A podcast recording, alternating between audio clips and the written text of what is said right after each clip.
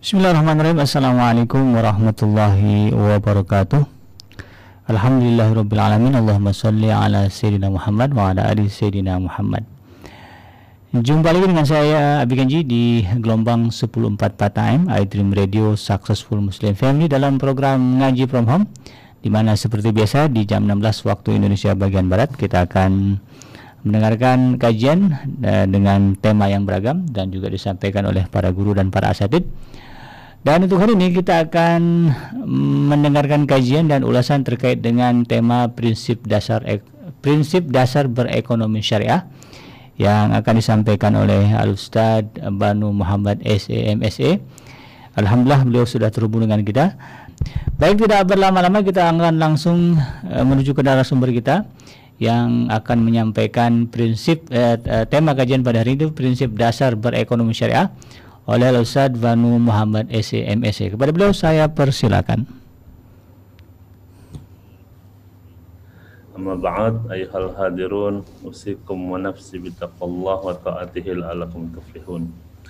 Bapak Ibu, teman-teman, sahabat iDream yang dimuliakan Allah.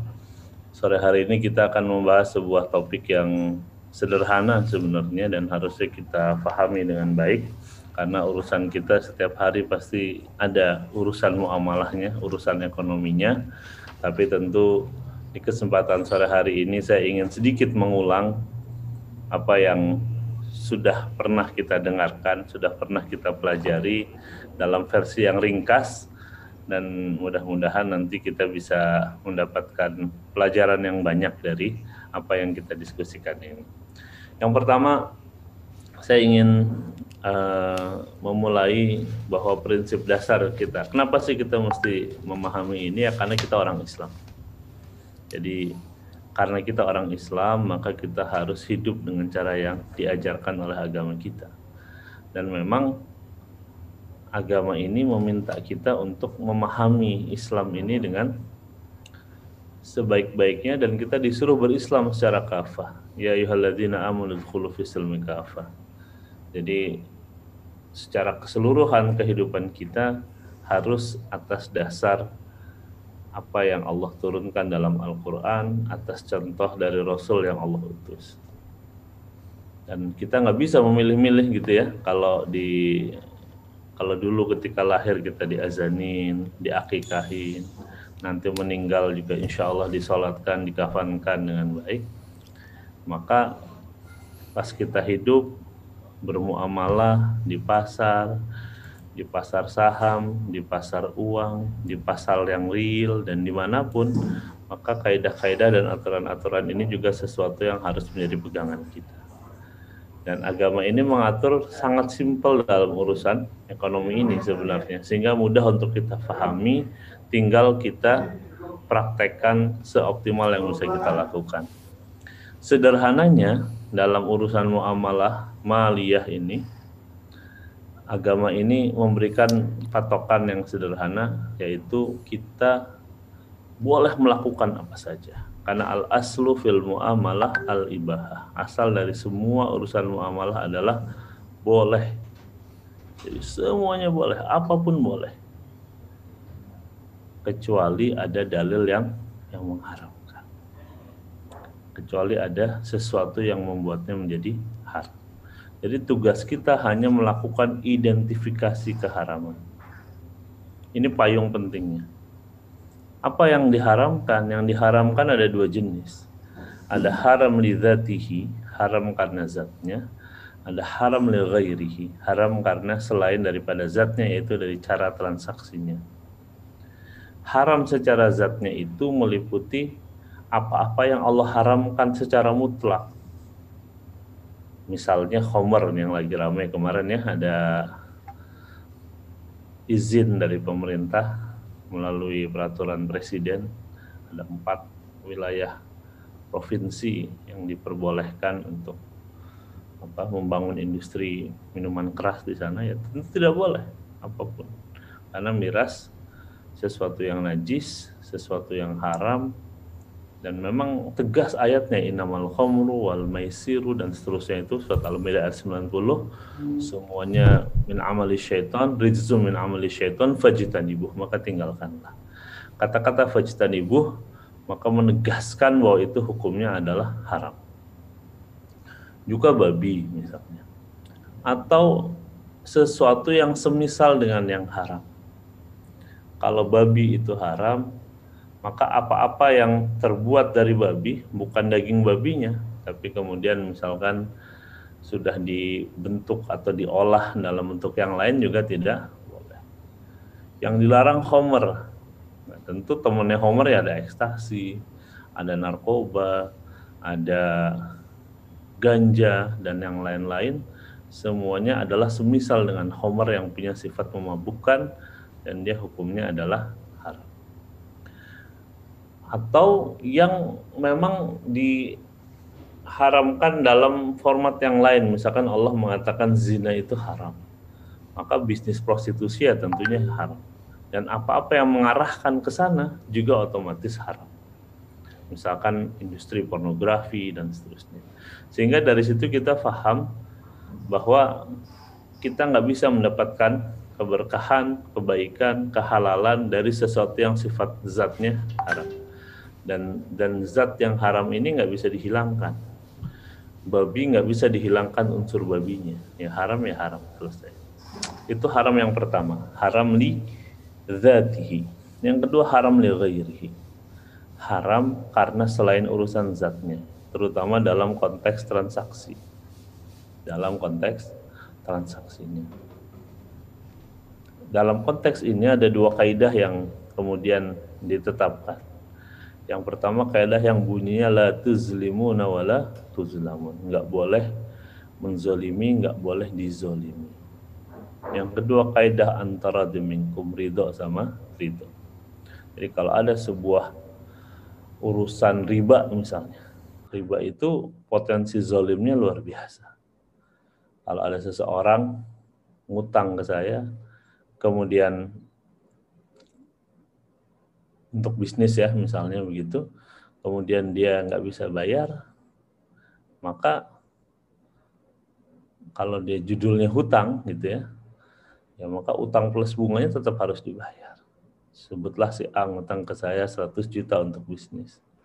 Bunganya 20 persen. 120 juta. Begitu dia gagal bayar maka apa yang dijaminkan misalkan menjaminkan tanah misalnya ya saya ambil alih tanahnya saya jual. Saya ambil 120 juta kemudian sisanya saya kembalikan. Tapi poinnya adalah apa? Dia sudah rugi bisnis berantakan dan masih saya harus bayar bunga juga saya. Artinya saya menzolimi dia. Atau sebaliknya kalau saya banknya bank yang tidak syariah tentunya saya menghutangi dia 100 juta, kemudian bisnisnya tumbuh besar luar biasa, menjadi sebutlah menjadi 2 miliar, 3 miliar. Kemudian dari keuntungan dia yang bermiliar-miliar itu dia cuma wajib bayar ke saya 20 juta saja. Kalau saya bisa mengatakan ya kamu kan nggak bisa jadi besar bisnisnya kecuali saya support modal misalnya gitu. Maka yang semacam ini kemudian di disebut bahwa saya dizolimi. Jadi menzolimi dan dizolimi ini bukan sesuatu yang sesuatu yang baik dan dianjurkan. Jadi ini ini catatan yang penting untuk kita pahami dalam konteks yang pertama. Atau ada penipuan, ada tadlis misalnya. Barang kita jual gula satu kilo padahal cuma 9 0,95 kilo misalnya, 9 ons 9,5 ons misalnya gitu. Ya mungkin kalau saya beli sekilo nggak nggak nggak signifikan. Tapi kalau saya jualnya 2000 ton, perbungkusnya saya kurangi sedikit-sedikit, tentu ini sebuah sebuah penipuan dan penipuan itu membuat orang yang kalau dia tahu itu pasti nggak akan ridho. Ketika tidak ada antara demingku maka otomatis akadnya juga akad yang bermasalah.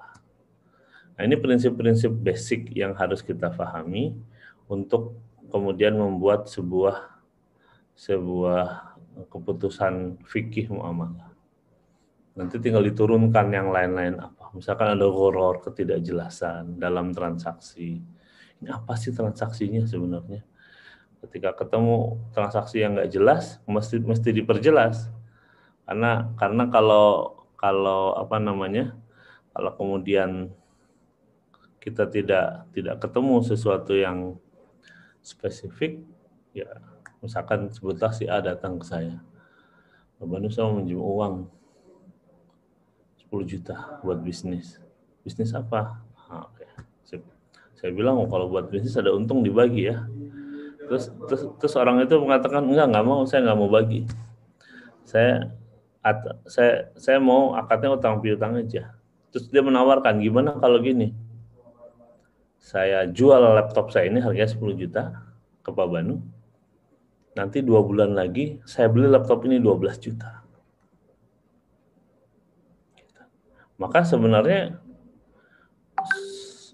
transaksi itu nggak cukup jelas. Apakah itu hutang piutang dengan bunga 20% dengan jaminan laptop atau jual beli, tapi jual beli kok dipaksa ya. Gitu. Nah, ketidakjelasan semacam ini namanya be'al-ina. Tidak boleh. Jadi sebenarnya simpel aja. Nah, cuma menariknya dalam agama ini sesuatu yang tidak jelas itu bisa diperjelas dengan mudah. Jadi kalau yang haram li zatihi nggak bisa dihilangkan unsur haramnya. Kalau yang li sangat mungkin dihilangkan unsur haramnya. Dihilangkan yang membuat jadi haram jadi boleh. Pakai riba, bunga berbunga. Ya dihilangkan aja bunganya. Ada si amin jamu saya, Pak Bunu, saya mau minjam uang buat usaha. Berapa? Sebutlah tadi 100 juta. Bunga 20%. Ya jangan pakai bunga. Gimana kalau nggak pakai bunga caranya? Bagi hasil aja. Kalau ada untung dibagi clear maka bunganya hilang jadi boleh selesai kalau nggak ada untung gimana ya nggak usah dibagi misalkan kita sepakat pada profit sharing jadi sharingnya pada profit saja itu satu. Atau yang lain. Misalkan dia minjem buat apa? Buat uh, saya buat nyewa ruko. Saya bilang saya punya rukonya. Kamu sewa aja sama saya. Begitu dia sewa ke saya dengan akad ijaroh dibayar tiap bulan selesai. Nggak ada nggak ada bunganya maka menjadi boleh. Selesai perkara. Itu itu prinsip prinsip sederhana saja. Begitu dihilangkan unsur ketidakjelasannya jadi boleh. Dihilangkan unsur ribanya maka jadi boleh. Orang beli beli sesuatu misalkan saya beli HP HP-nya mana? Oh masih di teman. Ya udah tungguin aja sebentar. Begitu ditungguin datang ada barangnya dibayar selesai. Tapi kalau barangnya nggak pernah ada ya nggak boleh. Kita beli apa? Burung. Burungnya di mana? Masih di udara belum balik gitu ya. Nanti sore balik dia ke kandang. Ya tungguin aja balik begitu hilang ketidakjelasannya maka sesuatu yang tadinya belum boleh berubah menjadi menjadi boleh nah itu konteks fikih secara umum dibingkai oleh sebuah kefahaman yang baik yang tujuannya adalah untuk saling melindungi saling menjaga saling menguatkan ketika semuanya dalam Eh, koridor ketaatan, maka pasti tidak ada satupun pihak yang merasa dirugikan. Yang kedua, tadi urusan fikihnya ya. Yang kedua dalam agama ini juga ada urusan akhlak. Akhlak itu bicara tentang etika, perilaku, dan seterusnya. Etika ini bicara tentang ya kita jual beli misalkan.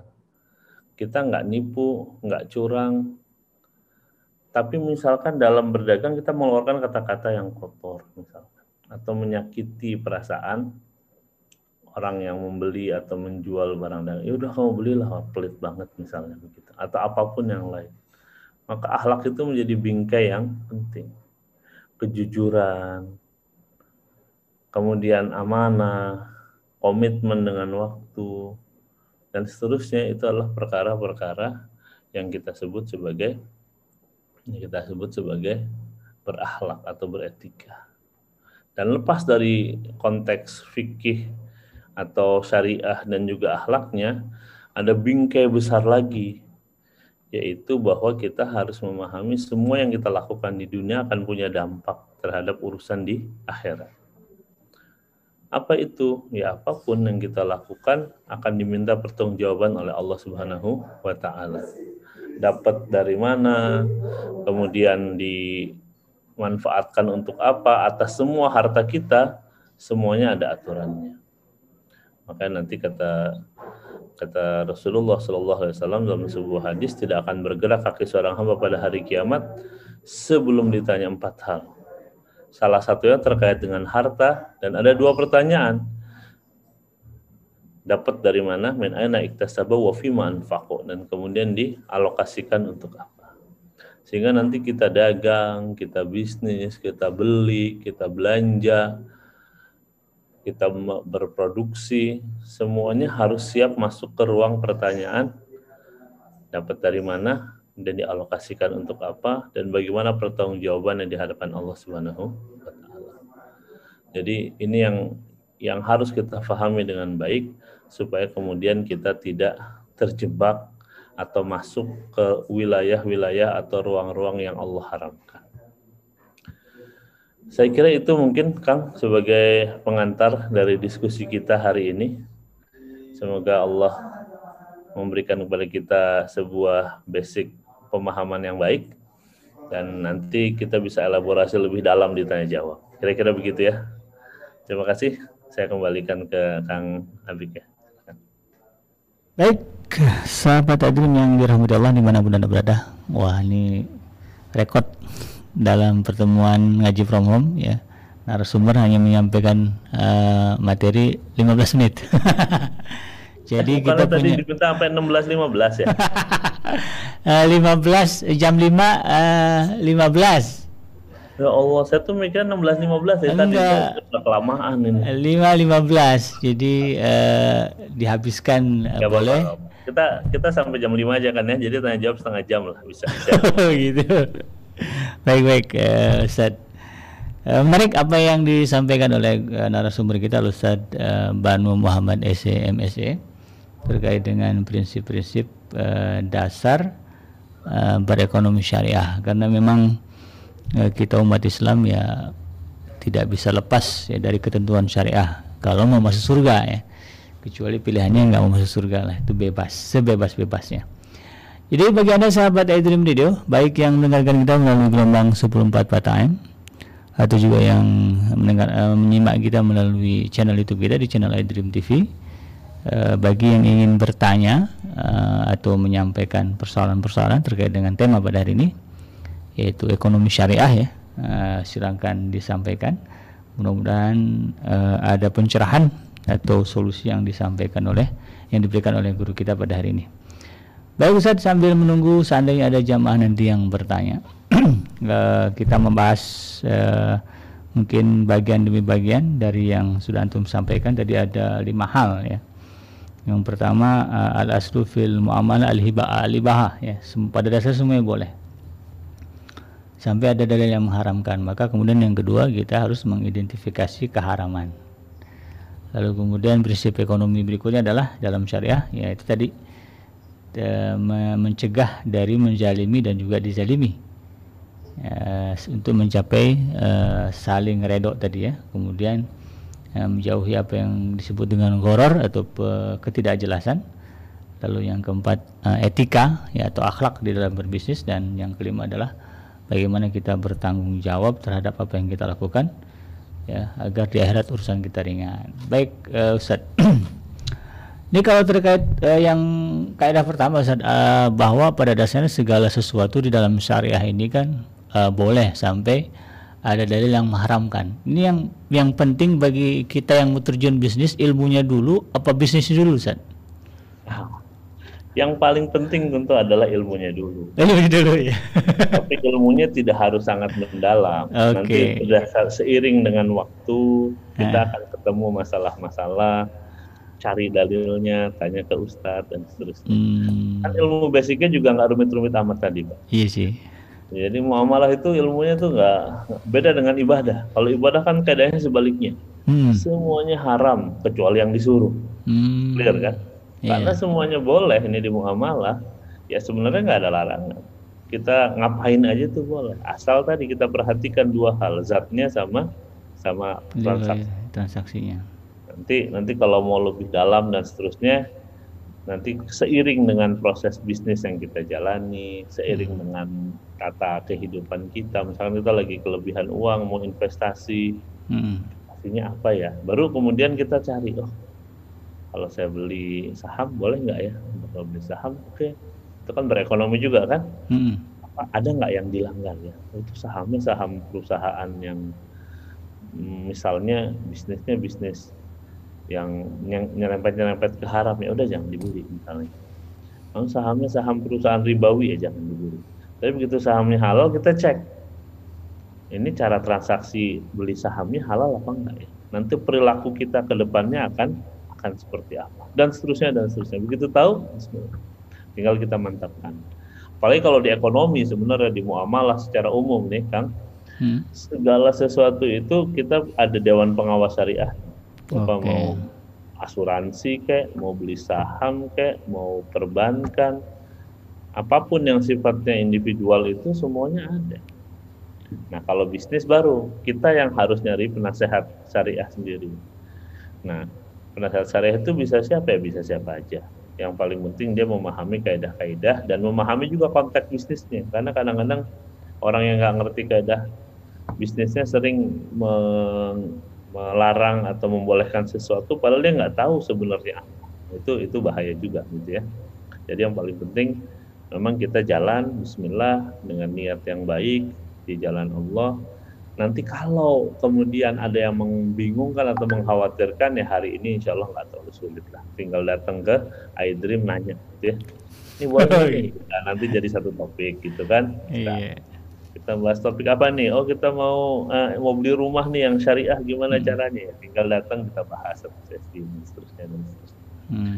Yang paling penting bergerak dulu karena kalau orang nggak bergerak dia nggak punya tantangan. Kenapa misalkan Abu Hanifah itu ulama yang hebat Kaya. dan pemikirannya banyak kemudian kita bisa dapatkan dari beliau karena beliau orang yang praktekkan juga banyak. Hmm. Beliau juga pedagang dan seterusnya kan. Maka fatwa-fatwa beliau tentang dagang jadi relate dengan kebutuhan kita di di dunia nyata karena memang ya beliau orang yang paham. Jadi kalau kalau cuma paham dalil kadang-kadang kita bisa salah juga dalam memahami konteks gitu ya kan ada teks ada konteks ya.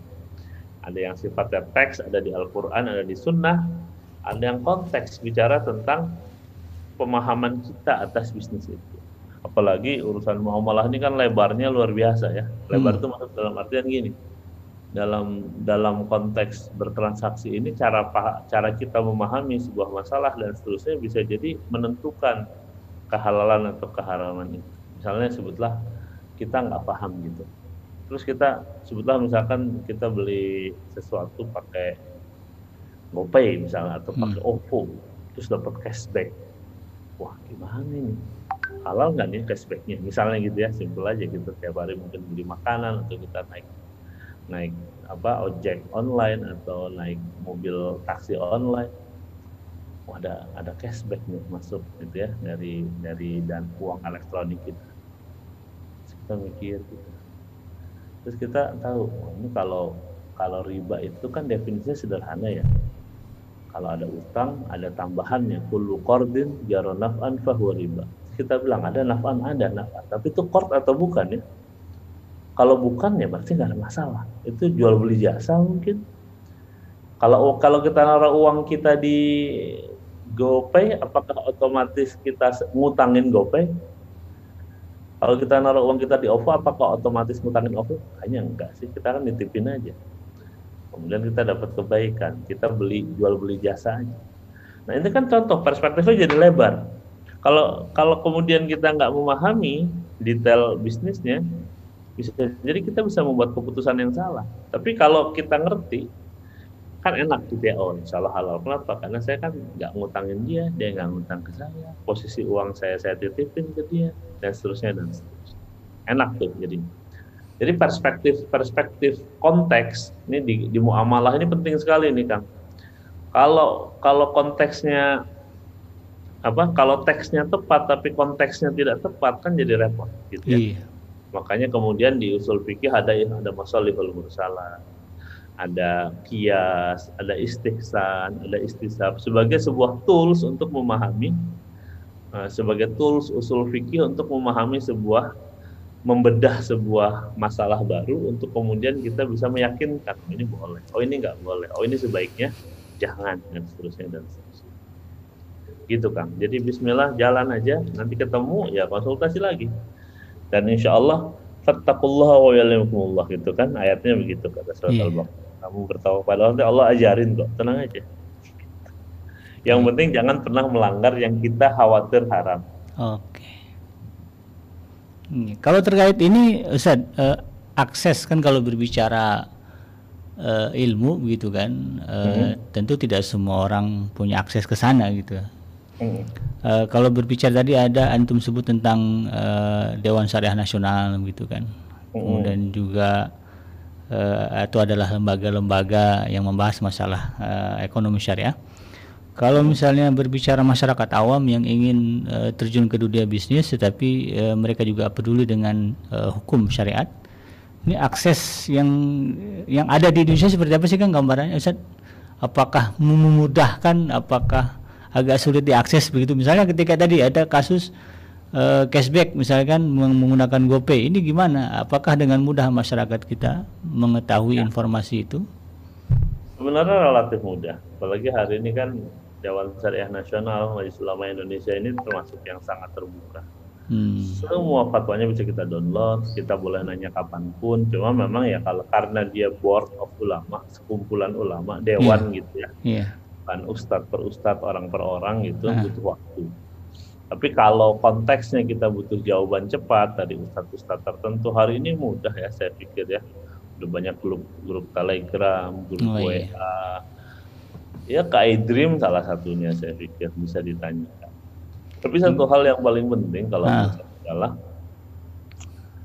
eh, ketika kita membuat sebuah produk atau kita menginisiasi sebuah aktivitas bisnis yang kemudian dampaknya banyak ke publik. Jadi kita mesti bedakan antara yang fatwa untuk diri kita sendiri dengan sesuatu yang nanti akan berdampak besar ke masyarakat. Kalau untuk diri kita sendiri mungkin enak ya meyakinkan diri kita tinggal nanya. Misalkan ada pendengar iDream nanya ya tinggal kontak saya misalkan boleh nggak sih nih Pak Banu? Saya bilang insya Allah nggak ada masalah silakan.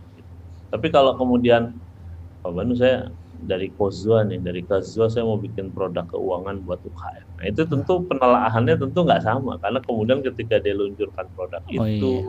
ada ribuan orang yang terlibat dan seterusnya maka itu membutuhkan sebuah pemikiran yang mendalam sebuah apa ya dasar aktivitas yang kemudian secara syari ada stempelnya. Stempel itu stempel Dewan Pengawas Syariah atau stempelnya Dewan Syariah Nasional MUI misalnya maka stempel itu menjadi penting bahkan kalau kayak Kazwa misalnya karena dia fintech maka mesti juga diperhatikan oleh ada pengawasan dari OJK misalkan otoritas jasa keuangan tentu beda dengan konteks tadi ada jamaah bilang nanya gitu ini cashback halal apa enggak iya ini saya uh, apa namanya uh, dagang online uh, boleh apa enggak nih kalau saya nggak nggak punya barangnya saya nawar-nawarin orang jual misalnya gitu iya. gitu.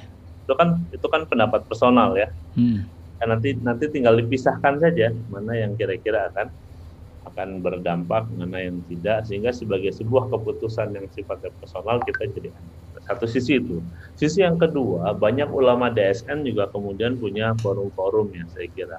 Saya sebutlah ada guru saya Ustaz Oni Sahroni misalnya. Yeah. Ustaz Oni kan dia punya rubrik di Republika, dia punya grup ini itu, ada bukunya juga.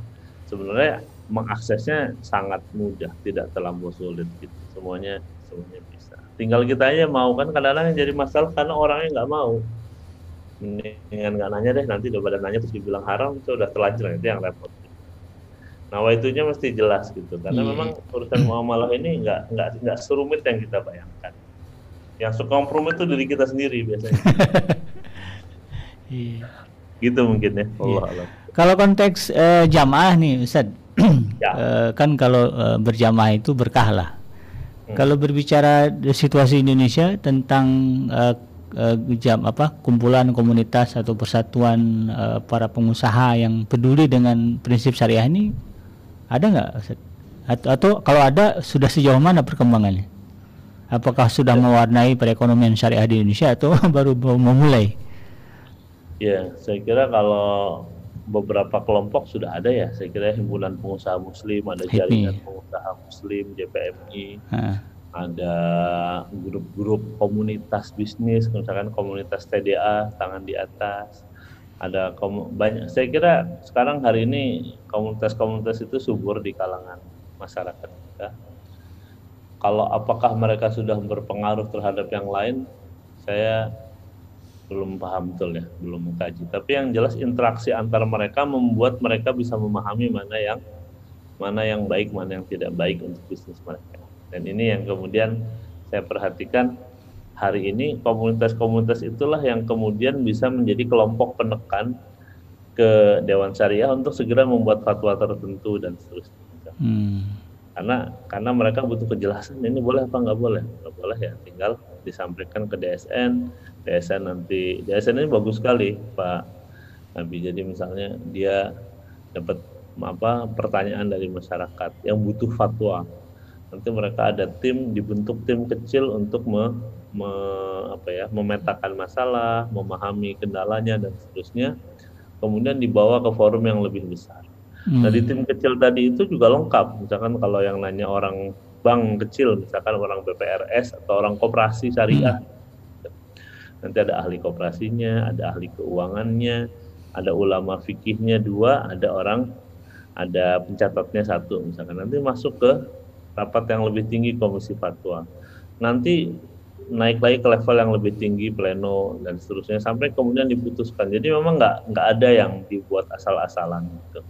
Jadi urusan umat ini di memang dikawal dan dijaga dengan baik untuk kemudian semua orang bisa memahami dan bisa menjadikan fatwa itu landasan dia dalam beramal saya kira nggak terlalu susah dan memang bagusnya komunitas ini tadi ya tadi bisa me, bisa menggesa sebuah sebuah keputusan fikih. Karena hari ini kan ya kita tahu Indonesia juga negara yang mazhabnya bermacam-macam iya. kadang-kadang ini pendapat ustadz ini boleh ustadz itu boleh ustadz yang mana nih yang jadi pegangan kita iya. kalau kalau saya simpel saja uh, kalau ada sekumpulan ustadz yang punya kompetensi itu yang kita lebih mudah Hmm. Di Indonesia ini kita punya DSN Dewan Syariah yeah. Nasional MUI itu yang kita punya.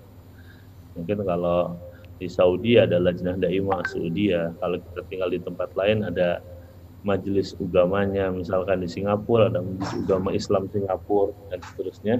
Maka masing-masing dengan dengan fatwanya masing-masing yang dihormati di wilayahnya masing-masing. Dan kita sering menemukan fatwa yang berbeda antar negara itu sah-sah saja dan boleh-boleh saja. Sepanjang memang masing-masing punya dalil, punya dasar pemahaman, dan memang nggak dibuat untuk kepentingan-kepentingan yang tidak seharusnya. Kan hari ini kadang-kadang ada kabarnya fatwa pesanan dan seterusnya. Tentu kita harus lihat konstruksi fatwanya. Saya termasuk orang yang yakin nggak mungkin banyak ulama bersepakat untuk sesuatu yang salah. Tapi kalau satu dua ulama sangat mungkin ada sudut pandang yang dia tidak pahami misalnya ada satu sudut pandang yang sebutlah ada ustadz ah, hebat sekali di ahli syariah tapi ngomong fintech belum tentu dia paham ngomong asuransi belum tentu dia paham ngomong saham dia perlu belajar dulu untuk sampai mengerti bagaimana mekanisme tradingnya misalkan. Tapi kalau rame-rame ada ulama ahli fikih ada ahli pasar modalnya ada ahli asuransinya ada apa namanya IAI-nya untuk pencatatan ikatan akuntannya. Ketika semuanya sudah connect diskusi maka tentu hasil diskusi mereka lebih lebih tepat dan lebih fit untuk untuk sebuah keputusan fikih yang diterima oleh masyarakat kira-kira hmm, baik-baik ya jadi ini uh, lebih memudahkan kita sebetulnya untuk bergerak ya. nah kalau dalam ya, ini kita terkait dengan ini juga kan masih uh, Ustadz masih bicara tentang uh, langkah ya langkah para pelaku ekonomi yang peduli dengan masalah syariah. Kalau dalam contoh kasus yang pernah terjadi uh, terkait dengan apa uh, yang kejadian di Depok itu Ustadz yang uh, transaksi jual beli menggunakan mata uang dinar, mata, Ah, nah itu kan ini menjadi satu persoalan karena seolah-olah ada pertentangan antara syariah dengan hukum negara. Ini kira-kira dalam pandangan Ustadz eh, ini seperti apa sih kedudukan masalah ini? Jadi kan khawatir ini kemudian membuat orang menjadi uh, anti dengan sistem ekonomi syariah atau kemudian ya. seolah-olah ada persepsi yang salah gitu kan? Ya. Uh, yang menyudutkan syariah itu sendiri gimana Ustadz? Ya, saya termasuk orang yang suka kalau mata uang kita bisa emas atau perak. Oke. Karena ketika mata uang kita emas atau perak, maka dia punya nilai intrinsik yang sama dengan nilai nominalnya. Hmm. Itu nilai yang ada di uang itu sendiri. Tapi tentu kita paham hari ini mata uang kita bukan emas dan perak. Iya. Sehingga emas dan perak hari ini adalah komoditas Hmm. bukan uang yang punya fungsi sebagai alat tukar, yang punya fungsi sebagai unit of account, store of value dan seterusnya. Kalau kita lihat di Al-Quran atau hadis bahas emas, maka emas itu sebagai uang, sebagai Iya. money. Perak juga ya. Heeh. Kalau hari ini kan enggak, karena kita nggak bisa bapak ke Indomaret bayar pakai uang gitu, ke Alfamart bayar pakai uang kan, eh pakai emas kan Iya nggak bisa. nggak bisa karena dia bukan alat tukar bu- bukan media pertukaran. Sehingga memang harus di harus dikuatkan oleh pendapat otoritas. Ketika otoritasnya me- menyepakati dia sebagai alat tukar ya baru dibuat. Dan memang uang jadi ada uang itu ada dua jenis ada uang komoditas ada uang fiat. Uang fiat itu ya uang kertas tadi itu. Uang yang basisnya bukan emas dan perak. Sehingga nilai dia sebagai barang sebenarnya rendah sekali. Iya kertas. Untuk untuk untuk mencetak uang 100 dolar Amerika itu konon kabarnya hanya butuh 4 sen. Harganya 100 dolar ya. Nah, jadi jadi jauh betul nilainya. Perbedaan nilai itu namanya seigniorage kalau dalam bahasa ekonomi moneter. Nah, kalau kita kembali ke apa yang dilakukan oleh Bapak Zain Saidi dan Iya. kawan-kawan, kebetulan di Depok tuh di Beji pula nggak jauh dari markas Aidrim. ya, kalau saya sih menghormati semangatnya ya. Iya. Tapi ya mestinya beliau paham bahwa yang semacam itu memang melanggar aturan melanggar aturan positif ya Hmm. karena memang alat untuk transaksi yang mestinya uang yang di apa ya disetujui oleh otoritas. Tapi apakah itu baik ya? Kalau menurut saya baik, cuma mungkin caranya harus dibuat sedemikian rupa. Seandainya misalnya disebutnya bukan sebagai uang gitu dinar dirhamnya, sebutnya barter gitu kan nggak ada masalah ya dia sebagai Iya. komoditas. Ya, gitu. Jadi bapak beli apa nih pistol hindi, beli herbal A gitu harga satu dirham gitu. Oh, kita sebenarnya tukeran barang gitu. Dirham dalam hal ini sebagai barang bukan sebagai uang. ah, barter jadinya. ya. Bukan lagi. gitu. Cuma ketika menyebut uang kita punya undang-undang terkait uang kan, yang itu Iya. juga harus dihormati. Yang jelas memang kita harus dipahami kita hidup dalam suasana yang tidak ideal kan. Jadi kita harus memahami dinamikanya dan seterusnya. Karena kita tidak ideal, maka sebenarnya kita juga tidak sedang hidup di sebuah negara yang hukumnya hukum Islam kan. Hmm. Jadi sebenarnya kita memahami, tapi kita juga paham kaidah misalkan la yudraku kulluh, malah yudraku kulluh, la yudraku malah- kulluh. ya. Malah yudraku kulluh, apa-apa yang kamu tidak bisa sempurnakan semua, la Jangan tinggalkan. juga semua. Jadi kita memahami juga, oh ini bagusnya gini nih, ya udah oke, fine, good itu. Tinggal kita atur, tapi kita mengenalkan bahwa sebaiknya mata uang begini, kampanyenya kita bangun dan seterusnya itu penting. Misalkan mengajak bank sentral, ayo dong kita mesti punya backup dan seterusnya dan seterusnya. Saya kira gerakan-gerakannya tidak harus dengan bikin pasar muamalah yang semacam Iya. itu ya. Yang ramai kan jadi gerakan. Tentu saya tidak menyalahkan orang dengan niat baik dan semangat baik ya. Iya. Cuma memang ya kita juga harus menghormati di mana kita Berada. beraktivitas ya. Gitu ya. Tapi kalau apakah baik nawaitunya dan memang ya tentu kalau saya ditanya mata uang apa yang paling baik ya emas dan perak. Karena itu yang yang kemudian punya nilai. Selain itu kan cuma banknotes aja istilah sesuatu yang dianggap punya nilai. Saya kira itu mungkin semoga Iya. menjawab ya. Iya, walaupun uh, kaidahnya al aslu fil muamalah al ibahah ya kita mikir-mikir juga bertentangan nggak dengan hukum gitu ya. hukum positif itu, gitu. ya. itu konteks hukum agama, nanti ada hukum Iya. positif. Makanya. kalau DSN sudah membuat fatwa misalnya Pak, Ah, DSN membuat fatwa itu mesti di sebelum dijadikan dasar oleh industri atau lembaga keuangan syariah misalkan ah, untuk membuat produk, dia mesti diverifikasi oleh OJK, betul. Otoritas Jasa Keuangan. Keuangan. Jadi DSN MUI lolos, OJK lolos, barulah itu fatwa bisa menjadi dasar lembaga keuangan syariah membuat produk keuangan syariah yang kemudian disampaikan ke publik gitu karena karena ada peran otoritas di situ bahkan bahkan bukan cuma OJK tapi juga IAI untuk pencatatannya karena nanti kan juga penting kalau secara aturan hukum kira-kira itu baik baik Lanjut uh, Ustaz ke pertanyaan berikutnya kalau terkait dengan ini uh, kaidah kedua uh, tentang bahwa kita harus memastikan keha kehalalan itu ya sehingga kita ya. harus mengidentifikasi keharamannya. Ini biasanya kalau di di dalam praktek uh, realnya kalau di di pedagang lah itu Ustaz.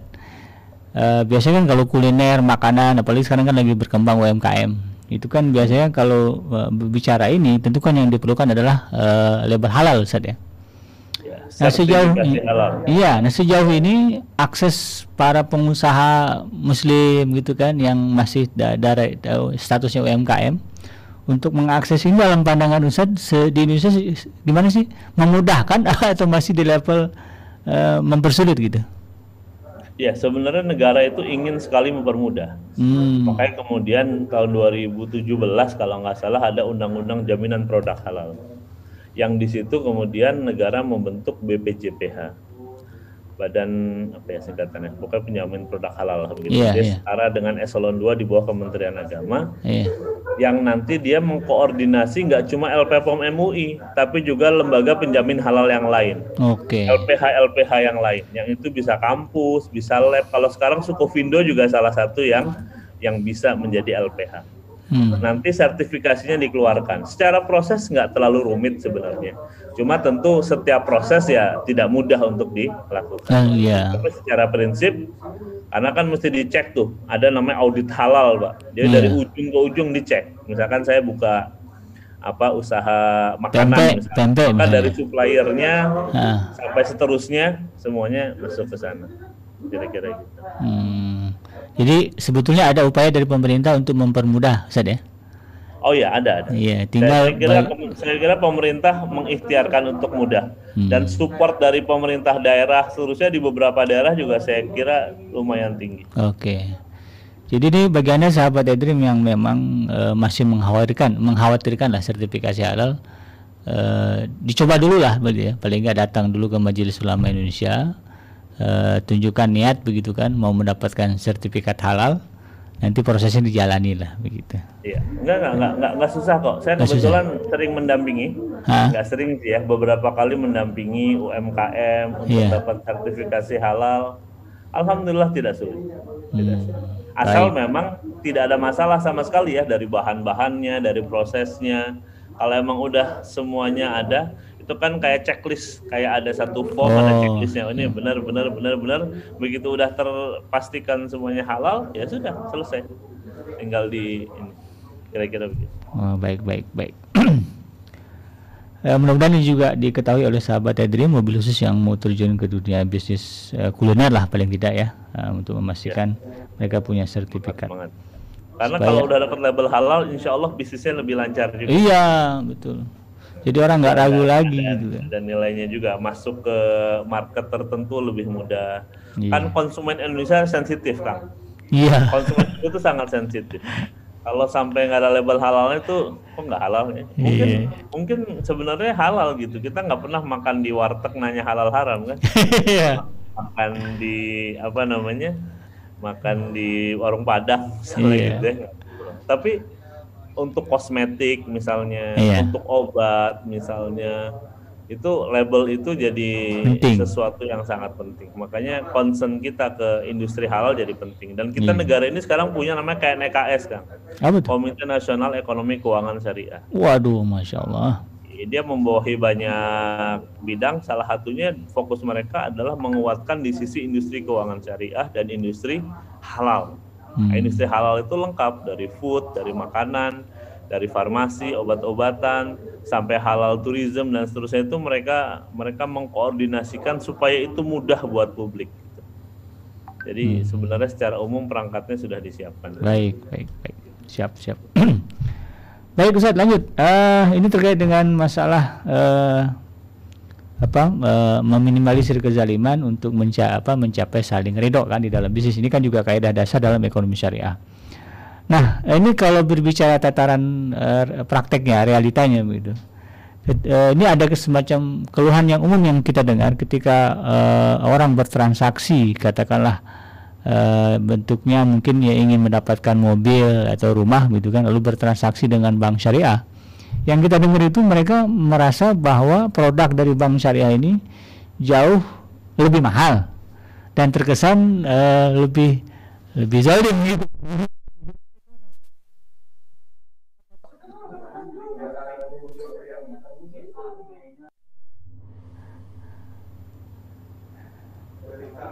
Suara yang terakhir kurang masuk, Kang. Iya itu tadi eh, apa? Ya, tapi tapi tapi saya nangkep. Ah, suara yang terakhir saya kurang. Ya, yeah. baik. Yang pertama memang ya karena kita masih kecil ya, bangsa nah. itu masih kecil. Oke. Okay. Nam, nam, namanya warung kecil gitu, suruh compete sama Giant sama Hilton. Oh ya kalah. Suka, ya. makanya makanya pemerintah kemudian punya ikhtiar misalnya melakukan merger tiga yeah. bank syariah gitu ya. Sekarang ada namanya Bank Syariah Indonesia. Hmm. Dari tiga bank BUMN ada Bank Syariah Mandiri, BRI Syariah, BNI Syariah merger menjadi satu bank, bank namanya BSI, Bank hmm. Syariah hmm. Indonesia. Sekarang asetnya 200 triliun lebih. Wow, Kalau dulu kan kecil-kecil ya. Yeah. Sekarang sekarang sudah relatif besar. Ya mudah-mudahan layanannya bisa lebih baik. Ah, dengan dengan layanan yang lebih baik, pelan-pelan bisa bisa bisa menjadi lebih baik gitu ke depan. Harapannya begitu. Hmm. Yeah. Ya tentu yang masih kecil pelan-pelan lah. Tapi satu hal Hah. sebenarnya kalau kita nak konsumen ya, kalau Hah. cicilan cuma beda seratus ribu misalnya, ya antara yang halal dengan yang haram ya harusnya kita milih yang halal. halal. Iya. karena karena yang haram itu semurah apa pun ya bukan pilihan. Kenapa? Iya. Karena haram. Betul. Sesederhana itu. Iya. Jadi nanti kalau kapan-kapan kalau nggak salah saya merencanakan di pertemuan berikutnya atau ha. berikutnya lagi kita bahas konsumsi dalam Islam misalnya. Oh gitu ya. iya betul. Nanti kita bisa bisa urutkan tuh preferensi konsumsinya. Baik, Ustaz. Nah, itu nanti masuklah ke sana. Tunggu di seri kajian berikutnya. Siap. mudah-mudahan. Ya karena kan eh, kita ingin bahwa ekonomi syariah ini hidup maju di Indonesia, termasuk juga sektor perbankan kan. Cuman bagaimana mengikis uh, apa namanya uh, uh, sudut pandang negatif ya masyarakat terkait dengan uh, keberadaan bank syariah. Jadi harus kita pahami bahwa memang sekarang masih kecil sedang berusaha besar begitu, maka perlu disupport. Uh, jadi mari beramai-ramai kita support Bank Syariah Indonesia. Mudah-mudahan uh, ekonomi syariah Indonesia semakin maju. Kemudian Ustaz, uh, ini terkait dengan uh, praktek goror Ustaz. E, banyak kasus di tanah air bahkan yang e, belakangan marak itu kan yang penipuan e, travel biro umroh gitu kan yang sampai diponis masuk penjara dan yang dirugikan kan umat Islam. Jadi e, saya saya secara pribadi berpikir kenapa sih kok e, sepertinya e, label syariah itu jadi semakin terpuruk begitu. Padahal jelas dalam Islam kan tidak boleh gharar dan oh, dan oh, dan saya menyayangkan begitu masyarakat percaya atau menyandarkan uh, urusan ekonomi mereka atau uh, transaksi mereka dengan yang syariah. Kemudian ada banyak kasus-kasus yang mewarnai uh, uh, menca apa mencederai kepercayaan masyarakat. Ini menurut Ustaz seperti apa Ustaz fenomena gini gimana ini? Ya itu dosanya berlipat-lipat itu. Oh, iya, Satu menipu, kedua bikin image yang tidak baik Betul, tentang ya. double tuh keburukannya double. Yang pertama memang ya, ada ada dalam beberapa kasus penipuan awalnya nggak niat nipu sebenarnya. Oh. Cuma kan tadi satu nggak ada ilmunya. Misalkan saya pernah kebetulan ketemu dengan satu pengembang perumahan Islam yang dianggap menipu. Oke. Okay Terus saya tanya ceritanya gimana sih beneran ente niat nipu? Hmm. Jadi begini bang, gini gini gini. Dia bukan nggak bukan niat nipu, cuma kurang modal aja sebenarnya. Karena dia kurang modal, hitungannya salah sedemikian rupa sehingga pada saat dia harusnya ngebangun duitnya udah habis duluan. Iya. Itu mismanagement lah sebenarnya, bukan ha. bukan niat melakukan penipuan. Iya. Nah, itu tapi kalau yang dari awal niatnya nipu ya memang ada gitu ya. Dari awal niatnya nipu memang ada. Makanya kita baik sebagai konsumen ataupun produsen atau kontraktor atau penyedia layanan apa pun, apalagi umroh dan seterusnya, memang harus memperhatikan rambu-rambu yang memastikan aman gitu. Kita hmm. boleh me membuat produk yang sehebat apa pun, tapi kita harus pastikan aman secara syari, aman secara undang-undang, tidak tidak kita mitigasi resikonya sebaik-baiknya untuk memastikan tidak merugikan siapa pun. Karena karena kalau sampai merugikan publik dan seterusnya, maka dampaknya tentu bisa bisa bisa bukan cuma memperjelek kita sebagai pengusaha tapi iya. juga memperjelek nama Islam. Betul. Ada ada namanya reputation risk istilahnya, resiko hmm. reputasi yang bukan cuma kena ke kita tapi sebenarnya kena juga ke, ke orang ke nama Islam yang kita iya. bawa. Apalagi sekarang orang gampang banget nyebutnya sunnah ini, sunnah itu. Iya. Kan ya saya kemarin ketemu orang yang mau bikin keren kang. Namanya sunnah triathlon. Jadi triathlon sunnah. Jadi berenang memanah berkuda gitu. Hmm. eventnya mau dibuat gitu. Model kayak triathlon olahraga event. Wah luar biasa ini. Bagus sih nggak ada masalah. Yang penting bener ya bikinnya ya. Supaya citra Islamnya bagus jangan yeah. sampai malah diketawain orang iya yeah. mungkin itu kan tapi kalau dalam konteks tadi itu kan ada ada ada menghindari penipuan, ada menghindari kezaliman. Kalau dalam kasus seperti yang Ustaz cerita, ada developer yang uh, salah hitung gitu kan karena uh, manajemen yang tidak bagus atau bisa jadi karena ilmunya kurang. Nah, dalam hal ini kan betul saja kan ada pihak yang dirugikan. Lalu jika kemudian pada akhirnya si uh, pengusaha ini mengelak lah atau uh, gimana, ini uh, apakah dibenarkan gitu Ustaz? Atau solusi seperti apa dalam kasus kayak tadi misalnya? Dia berusaha untuk jujur tapi kemudian karena salah manajemen atau ilmunya kurang lalu kemudian muncul masalah yang pada akhirnya dia terlibat kasus seolah dinilai menipu. Ini gimana Ustaz? Ya, tentu yang pertama paling penting sekali dari awal dia kalau orang muslim yang baik, pengusaha muslim yang baik apalagi hmm. dia membawa nama Islam dan seterusnya, yeah. maka maka dia harus mempertimbangkan res, kemungkinan resiko itu dengan sebaik-baiknya. Oh. Jadi jangan sampai dia masuk ke ruang yang mungkin bisa mencederai kebaikan Islam. Nah, di sini etika berarti saja. Ya, ini kategorinya mungkin ke etika. Artinya artinya kalau saya udah nyebut saya perumahan muslim gitu. Iya. Ya, saya saya saya harus paham saya mengemban sesuatu yang berat. Besar ya. Jangan pertimbangan oh ini gimmick marketing, ini kepentingannya kepentingan marketing sehingga saya yang penting dapat untung gitu. Orang kalau ada nama Islamnya mungkin lebih suka misalnya. Iya. Kan bahaya. Kita bawa nama Islam justru ingin untuk mengatakan Islam itu indah, gitu. hmm. Islam itu baik, Islam itu jujur, Islam itu amanah. Kalau memang dari awal kita nggak yakin ya nggak usah pakai nama Islam ya sebutlah perumahan apa gitu. Iya saya punya teman misalkan punya kawan yang usahanya sangat islami. Ini perusahaan besar bukan abal-abal. Gede. Yeah. triliunan sudah. Dia nggak pernah nyebut dia perusahaan syari Masya Allah. tapi kang semua urusan utang piutang semua urusan pengadaan barang semua dengan cara yang syari.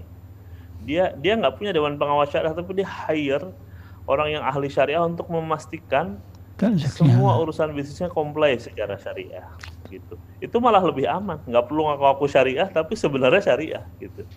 Sekarang lebih penting mana? Kita pakai label syariah tapi tidak syari hmm. dengan yang nggak ada label syariahnya tapi syari. Sebenarnya kan lebih penting yang kedua. Tentu kalau kalau kemudian memang kita yakin ya Bismillah nggak apa-apa kan? Itu bagian dari syiar. Tapi kalau kita nggak yakin, apalagi kita ada kemungkinan gagal, ada kemungkinan salah hitungan bisnis dan seterusnya, oh itu ada ada resiko reputasi yang dipertaruhkan, yang harusnya kita bisa kawal dan kita jaga sebaik-baiknya. Baik, Iya, baik. Karena memang ini cukup marak juga Ustadz di tengah-tengah masyarakat saya sering kali ya karena banyak orang yang pengen dengan nama Islam itu lebih laku. Betul.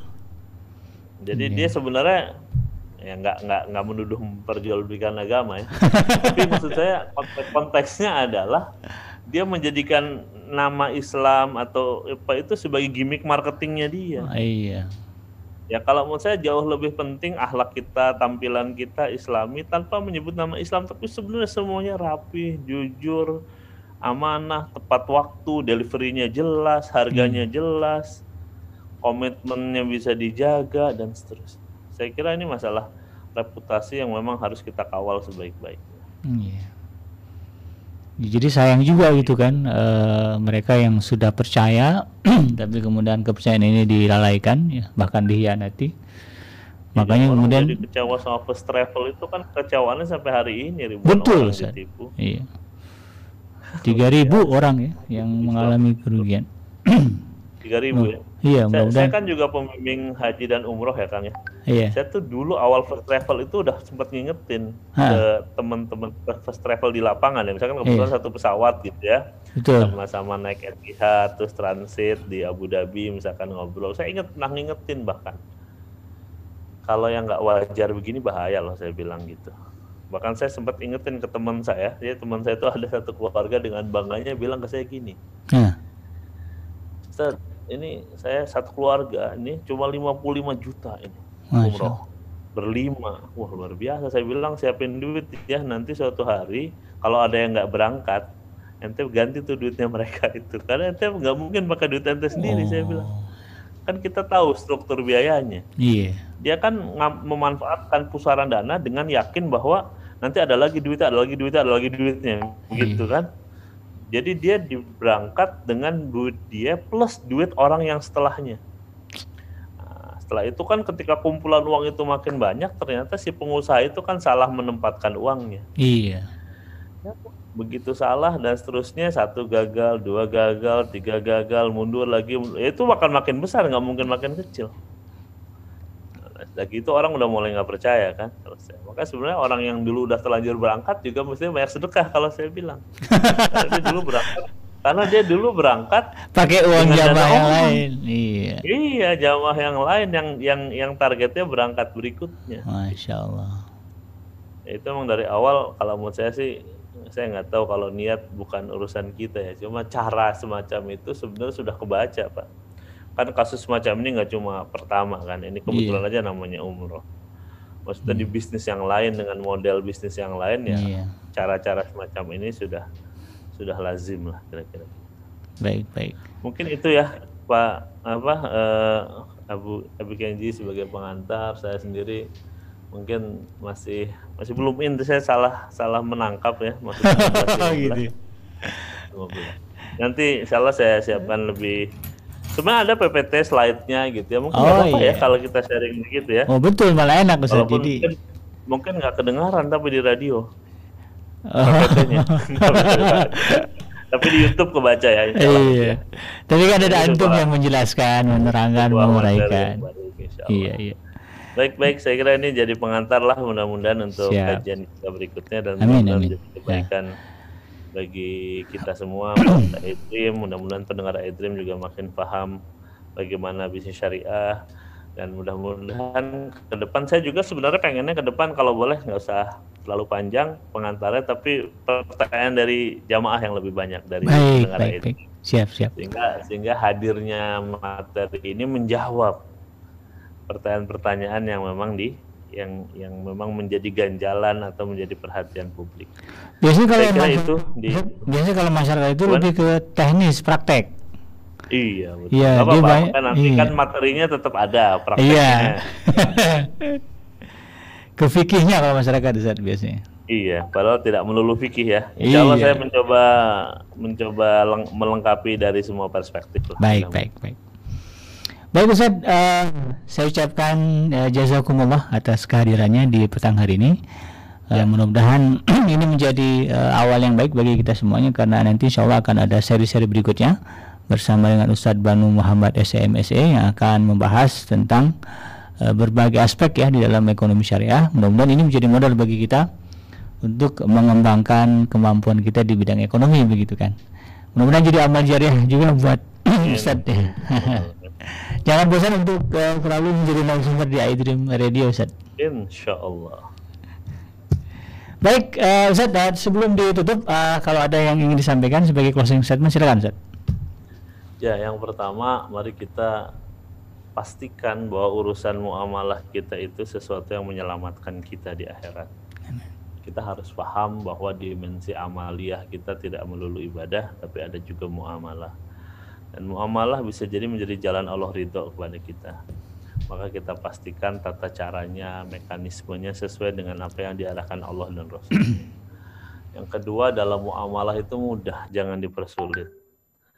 Kaidahnya juga sederhana tinggal bagaimana kita menjaga apa yang sudah diarahkan agama ini dengan baik dengan komit dan dengan niat yang baik yang ketiga adalah tentu payung dari semua itu adalah akhlak. Karena muslim yang baik ya akhlaknya mesti baik dan dan memang Nabi diutus untuk menyempurnakan akhlak. Inna mabu'itsu liutammima makarimal akhlak. Saya kira begitu Kang. Semoga bermanfaat. Mohon maaf, mohon pamit. Wassalamualaikum warahmatullahi wabarakatuh. Waalaikumsalam warahmatullahi wabarakatuh. Sekali lagi kita ucapkan uh, jazakumullah kepada Ustaz Banu Muhammad SE, MSE yang sudah menyampaikan materi di pertanyaan hari ini. Mudah-mudahan apa yang beliau sampaikan menjadi ilmu bagi kita semuanya. Saya Abi Kenji beserta kru yang bertugas pamit undur dari ruang dengar Anda. Mohon maaf atas segala kehilafan dan kekurangan. Subhanaka Allahumma rabbana wa bihamdika asyhadu an la ilaha illa anta astaghfiruka wa atubu. Walhamdulillahirabbil alamin. Wassalamualaikum warahmatullahi wabarakatuh.